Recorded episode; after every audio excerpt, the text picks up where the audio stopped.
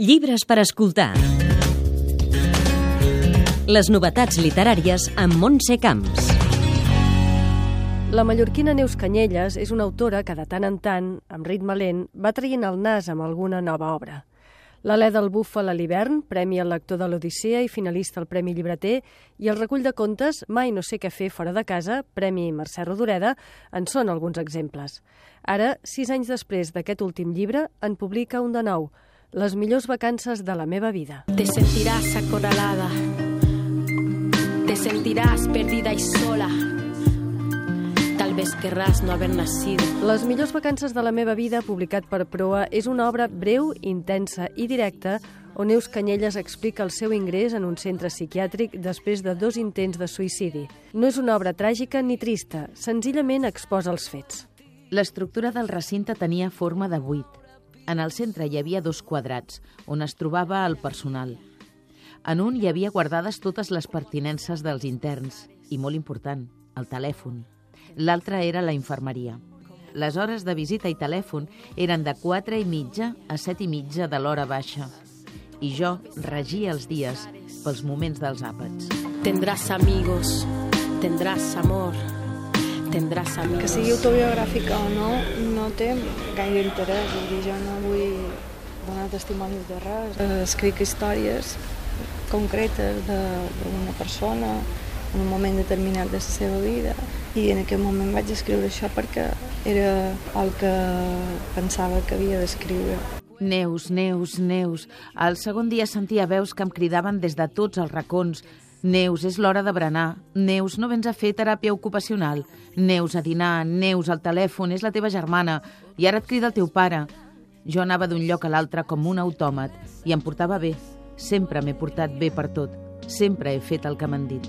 Susana té una casa allà de la ribera us hi porta a sentir l'aigua Jugar sempre m'ha apassionat més que qualsevol altra cosa al món. I jugar és fingir. Jugar és una cosa que sempre m'ha m'ha apassionat. No és, no és que m'ajudi a viure, és que és una cosa que la tinc tan dins, dins meu que, que no la puc separar de, de jo, no? no us queda amor per ella Escrius una paraula i després una altra i encara una altra. Això és escriure. No calen inspiracions ni ridiculeses de les quals parlen alguns escriptors. Persones que confessen haver-se passat anys amb un paràgraf, que s'haguessin dedicat a una altra cosa. Si tan han patit, els hauria convengut més abandonar. Ningú t'obliga a fer-ho. Si jo no hagués estat feliç escrivint, no hauria escrit res. Però resulta que escriure era la meva gran felicitat. No crec que s'hagi de, de magnificar el fet d'escriure, que sigui una cosa molt millor que una altra. O sigui, per jo és un ofici, realment, és meu, del qual estic enamorada. Jo, jo escric perquè som feliç quan escric. No, jo no és un patiment, com he sentit a dir altres autors. Si no, no fos així, jo me dedicaria a una altra cosa.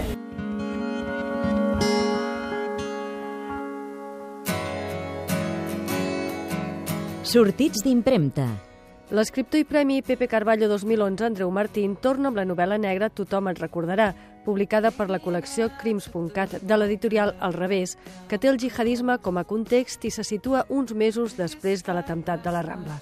Aquest llibre no l'he fet pensant ara escriure un llibre sobre el jihadisme. M'he fixat, perquè vaig tenir-hi accés, m'he fixat en sistemes com es capten possibles, diríem, guerrers màrtirs i amb sistemes que té la policia d'infiltrar-se dintre d'aquest àmbit Maiol de Gràcia Clotet publica en Bromera Projecte Tothom, una crítica demolidora i una investigació literària pels iguals de les aparences i de les realitats falses.